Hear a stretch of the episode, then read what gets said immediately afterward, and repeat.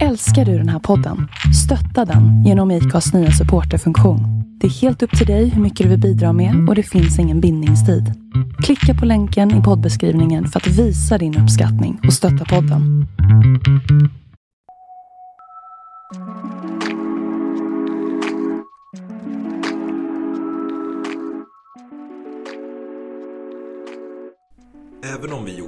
Poddavsnitt och Instagram-inlägg tidigare om just covid-19 så verkar det aldrig ta slut på att vara ett aktuellt ämne som vi utifrån ett juridiskt perspektiv ofta får anledning att återkomma till. Först var det restriktionerna, sen den tillfälliga pandemilagen och nu är det då vaccinationsbevisen som återigen triggat en hel del frågor kring hur staten egentligen enligt lag får inskränka våra fri och rättigheter.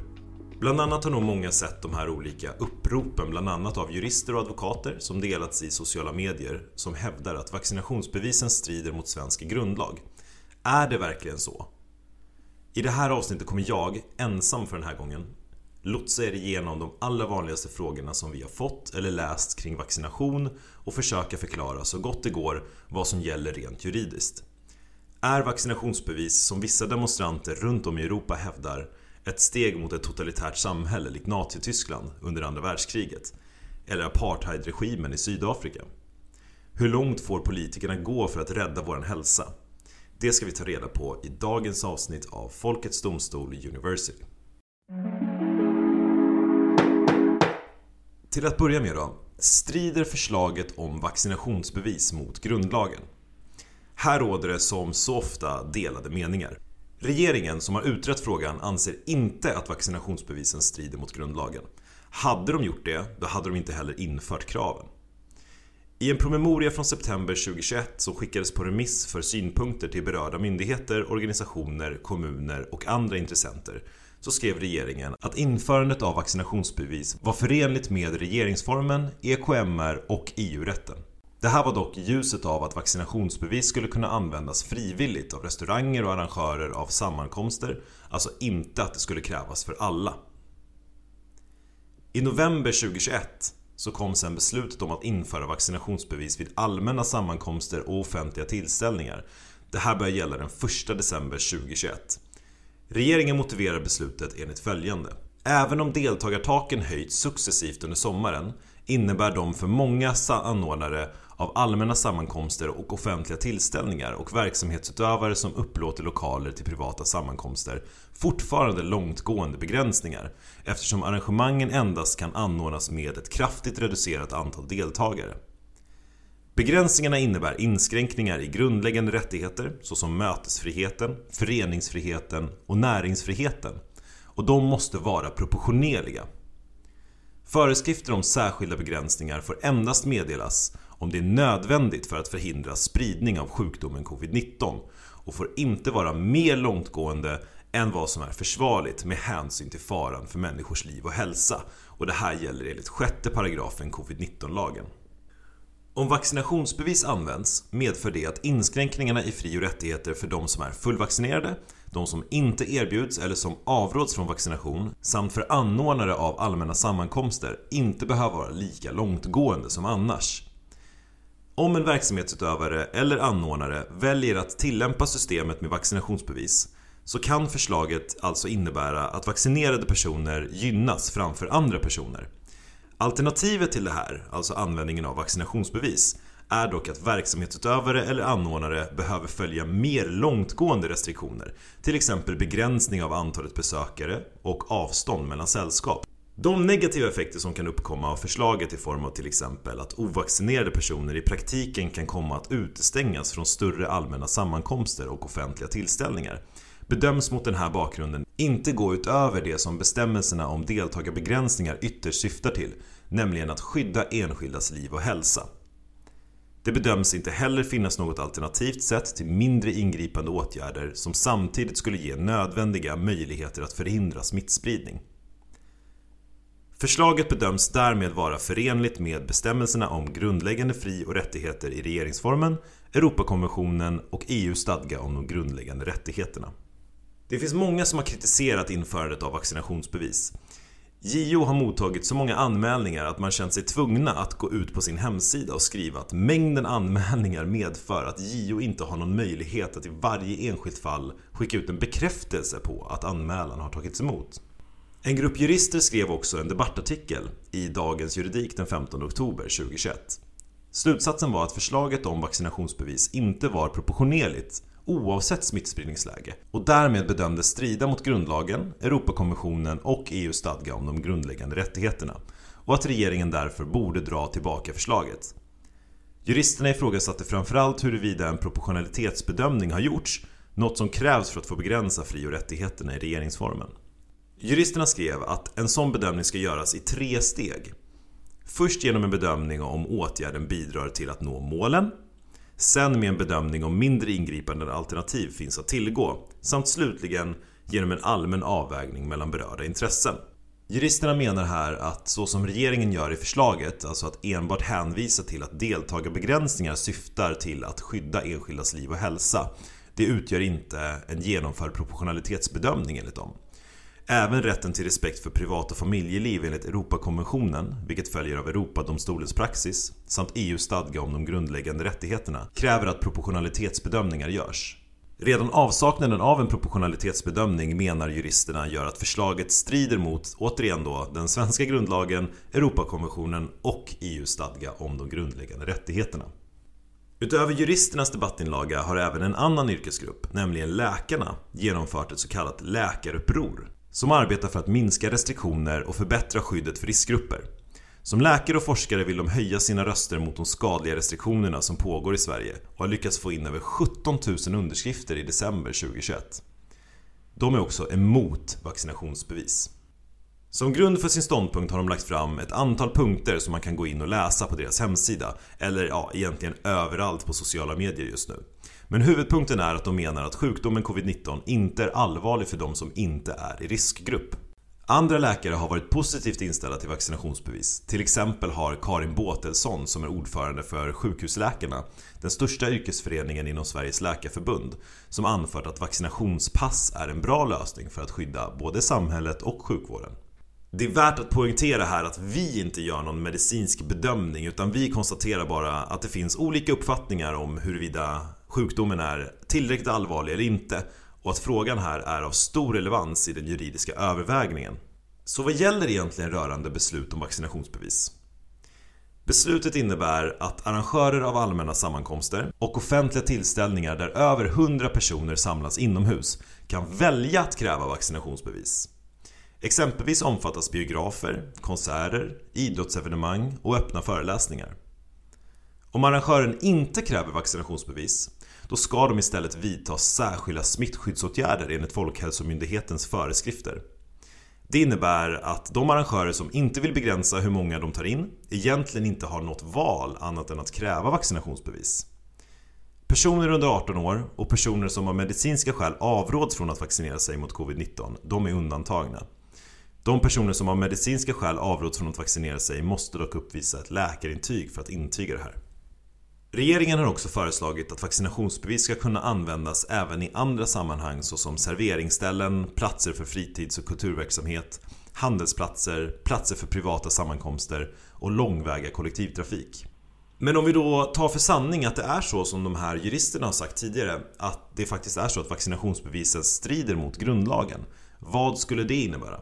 Jo, om en domstol finner att en lag strider mot grundlagen, då får domstolen inte tillämpa den lagen. Och det framgår av regeringsformens 11 kapitel 14 paragrafen. Andra konsekvenser som skulle kunna inträda är kritik från JO eh, och en eventuell möjlighet att kräva skadestånd från staten för att fått sina fri och rättigheter kränkta. Den yttersta konsekvensen för politikerna som missbrukar sin makt brukar man annars säga är att de inte får förtroende från väljarna i nästa val. Och vad gäller för de som inte kan få sina vaccinationsbevis? För ett problem är att det uppmärksammats av bland annat SVT att det finns ett stort antal personer i Sverige som är fullvaccinerade men som inte kan få sina vaccinationsbevis ändå.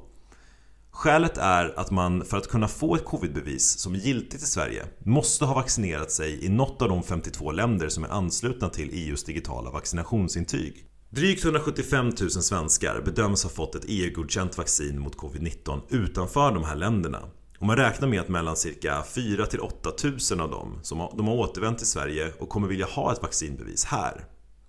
Dessutom har 60 000 vaccinationer i Sverige registrerats på så kallat reservnummer vilket gör att vaccinationsbevis inte kan utfärdas i dagsläget. Det handlar till exempel om utbytesstudenter och andra som inte har svenskt personnummer. En annan fråga som uppkommer ganska ofta det är varför man inte tillåter bevis för antikroppar eller friskhetsintyg eller liknande istället för eh, ett vaccinationsbevis.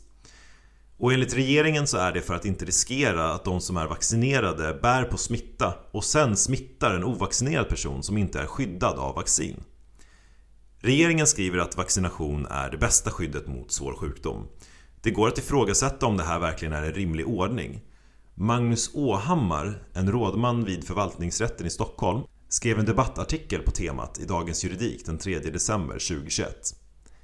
I artikeln lyfte Åhammar fram ett antal intressanta frågor. Framförallt huruvida åtgärderna var proportionerliga. Han skrev bland annat i proportionalitetsbedömningen ligger att nyttan av ett covidpass på ett objektivt sätt kan konstateras. Som jag förstår det talar vi om en åtskillnad mellan personer som är vaccinerade respektive ovaccinerade. Här krävs naturligtvis en medicinsk bedömning av nyttan av vaccinationer som jag inte kan avgöra. Dock kan man fråga sig hur en individ som genomgått den aktuella virusinfektionen och nu förmodas ha en naturlig immunitet står sig i jämförelse med en fullvaccinerad person vad gäller risk för att smitta eller smitta andra. Om det är så att en person med naturlig immunitet har ett lika gott skydd, eller bättre, mot att smittas på nytt eller att föra smittan vidare som en fullvaccinerad person är det då en proportionerlig åtgärd att utestänga den personen på grund av ett, eh, en avsaknad av ett vaccinationsintyg? Eftersom vi talar om inskränkningar av mänskliga rättigheter ska svaret på den här frågan bottna i en bedömning på individnivå. Några svepande förklaringar om att en person med naturlig immunitet får ett ännu bättre skydd om, att han, om han eller hon vaccinerar sig. Eller att det är för krångligt att nyansera innehållet i covidpassen med ytterligare en kategori personer. Det håller inte menar han. Argumenten av typen “det är inte mänsklig rättighet att gå på en konsert” håller inte heller. Han ställer sig då också frågan utifrån proportionalitetsbedömningen Vem är fullvaccinerad? Och enligt honom så verkar det som att då eh, man behöver förmodligen enligt gängse definition vänta tills två veckor efter det att den andra sprutan eh, har fått verka innan man får statusen fullvaccinerad. Efter en tid så avtar vaccinets skyddande effekt och efter cirka 6 månader kvarstår ett förminskat skydd. Det förminskade skyddet är olika starkt beroende på vilken vaccinsort personen i fråga tagit men också beroende på individuella förutsättningar. Behovet av en tredje spruta efter en viss tid eller framtagandet av ett förändrat vaccin på grund av den nya mutationen av viruset talar för att en person efter en viss tidsperiod får anses gå från att ha varit fullvaccinerad till att anses som ovaccinerad menar han. Det känns skakigt då, enligt honom, att använda sig av en stelbent åtskillnad mellan vaccinerade och ovaccinerade Även mot bakgrund av svårigheterna att objektivt avgöra skyddseffekterna av ett vaccin för en individ vid en viss tidpunkt. Det är de vanligaste frågorna som har tagits upp kring just grundlagsskyddet och proportionalitetsbedömningen kring hur man verkligen får agera när det kommer till när man stiftar lagar eller, eller begränsa de här fri och rättigheterna som jag nämnt. Men om vi går över till själva vaccinationen då. Då är det ofta som det förekommer frågan Kan man tvinga någon att vaccinera sig? Och det här pratade vi om i vårt förra avsnitt om restriktioner och vaccinationsbevis i avsnitt 8. Där konstaterar vi att det inte går med anledning av regeringsformens fri och rättighetskatalog där det finns förbud mot påtvingande kroppsliga ingrepp. Vi nämnde dock också att det går att begränsa den här rättigheten genom lag och det har till exempel gjorts när polisen får kräva blod eller urinprov, så kallad kroppsbesiktning, om det har betydelse för en misstanke om brott där fängelse kan dömas. Begränsningarna enligt 20 paragrafen får göras endast för att tillgodose ändamålen som är godtagbara i ett demokratiskt samhälle. Begränsningarna får aldrig gå utöver vad som är nödvändigt med hänsyn till det ändamål som har föranlett den och inte heller sträcka sig så långt att den utgör ett hot mot den fria åsiktsbildningen såsom en av folkstyrelsens grundvalar. Begränsningen får inte göras enbart på grund av politik, religion, kulturell eller annan sådan åskådning. Det här innebär att det skulle gå att argumentera för att det går att begränsa den här rättigheten med folkhälsoargumentet. Något som vi dock inte anser är korrekt och något vi verkligen inte hoppas sker. Det är ett alldeles för stort ingrepp för att kunna motivera, menar vi. Att påstå att krav på vaccinationsbevis är samma sak som att påtvinga vaccin genom ett kroppsligt ingrepp, det är inte korrekt. Det är fortfarande ett val. Det man kan ha synpunkter på är dock om det inte borde accepteras att man kan bevisa friskhet på ett annat sätt. Vi har ju varit inne på det lite tidigare och eh, som vi, så vitt vi förstår så säger inte ett vaccinationsbevis huruvida du är frisk eller inte frisk. Utan eh, bevis på antikroppar eller ett genomfört test mot covid-19 borde kunna vara ett alternativ som faktiskt på ett bättre sätt visar om man bär på smittan eller om man är smittsam. En tredje kategori frågor kring vaccinet som uppstår ofta det är det här kring restriktionerna. En vanlig fråga är om restriktionerna kan vara kvar hur länge som helst. Och det har ju varit lite olika restriktioner som har gällt vid olika tidpunkter. Vissa har varit beslutade genom lag och andra har varit i form av rekommendationer. När restriktionerna först infördes så var det tydligt att de skulle vara tillfälliga. Lagen var en så kallad tillfällig lag som förvisso kunde förlängas. Och förlängas det har ju också lagen gjorts flera gånger. Den är nu förlängd till maj 2022 när vi spelar in det här avsnittet den 15 december 2021. Och det går att förlänga lagen ytterligare. Ett problem kan vara att när man väl fått igenom något så vill man gärna ha det kvar. Speciellt som regeringen har fått mycket kritik för att man inte har agerat tillräckligt snabbt och kraftfullt tidigare. Bland annat av Coronakommissionens utredning. Vi är dock av uppfattningen att man inte ska begränsa folks frihet om det inte är absolut nödvändigt. Vilket innebär att man måste utvärdera situationen vid varje givet tillfälle och naturligtvis inte ha kvar restriktioner bara för att det är bekvämt. Många frågar sig också, kan inte restriktionerna vara skadliga i sig? Och det finns många andra negativa effekter med restriktionerna som inte verkar beaktas i större utsträckning. Människor blir av med sina arbeten, företag går i konkurs och det påverkar de flesta att inte kunna ha en nära och tät kontakt med vänner och familj. Sverige har ändå varit mer förskonat då vi inte har haft så kallade lockdowns som många andra länder. Unicef har bedömt att barn drabbas generellt inte så hårt av själva viruset. De drabbas dock desto hårdare av dess effekter genom bland annat då stängda skolor, påtvingad social isolering, våld i hemmet och ökad fattigdom. Länsstyrelsen i Stockholm har konstaterat att genomgående i de samhällsanalyser som har granskats förekommer att många av pandemins både direkta och indirekta effekter slår hårdast mot redan utsatta eller sårbara grupper och riskerar därmed att öka skillnaderna mellan olika grupper i befolkningen. Den här utvecklingen går stick i stäv mot Agenda 2030-principen om att ingen ska lämnas utanför och folkhälsopolitikens mål om att sluta de påverkbara hälsoklyftorna inom en generation. Konsekvenserna slår också olika mellan kvinnor och män, både på kort och lång sikt. Ett exempel är att fler män dör men fler kvinnor blir sjuka i covid-19 eller drabbas av psykisk ohälsa till följd av restriktionerna. Pandemin och restriktionerna riskerar att öka redan tidigare växande skillnader i ekonomiska, sociala och hälsomässiga förutsättningar för ett gott liv.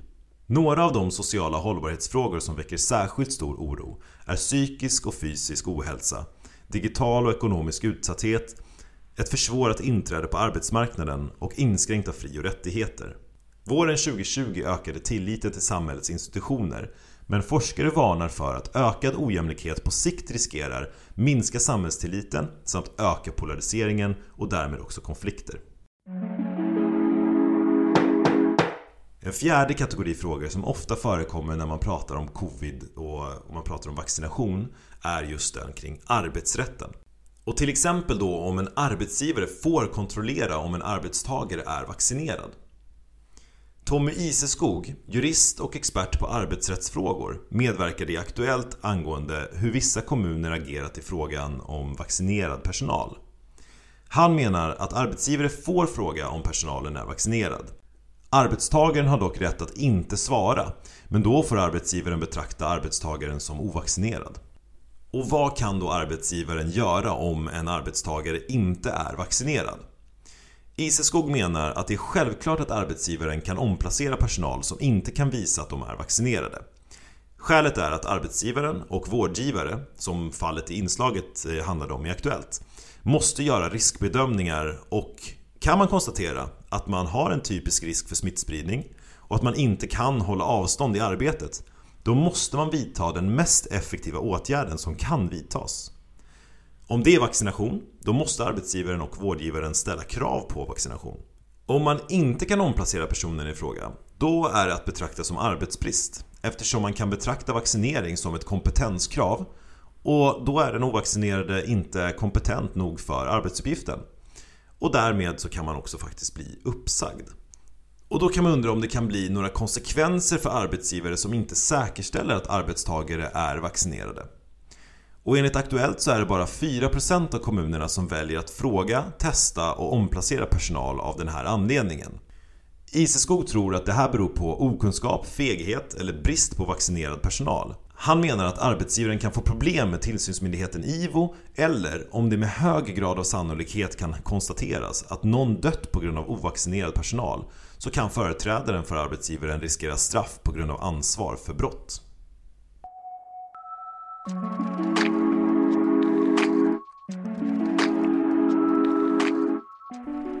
Sammanfattningsvis kan man säga att det är viktigt just nu när det sprids en oerhörd mängd budskap från olika aktörer med olika intressen att vara på sin vakt vad gäller sanningshalten i vad som sägs.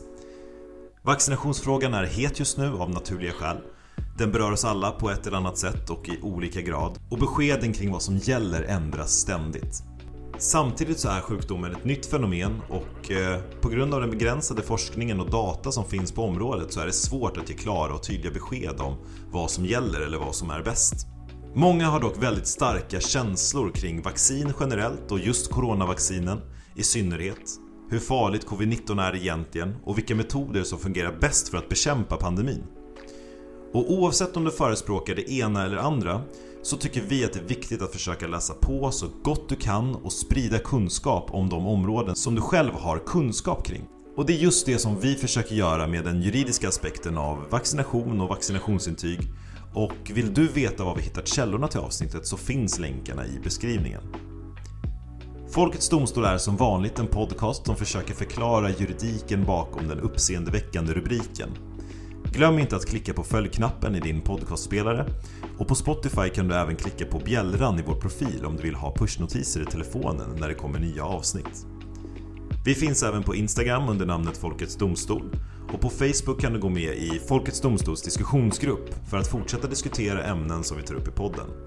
Tack för att du har lyssnat.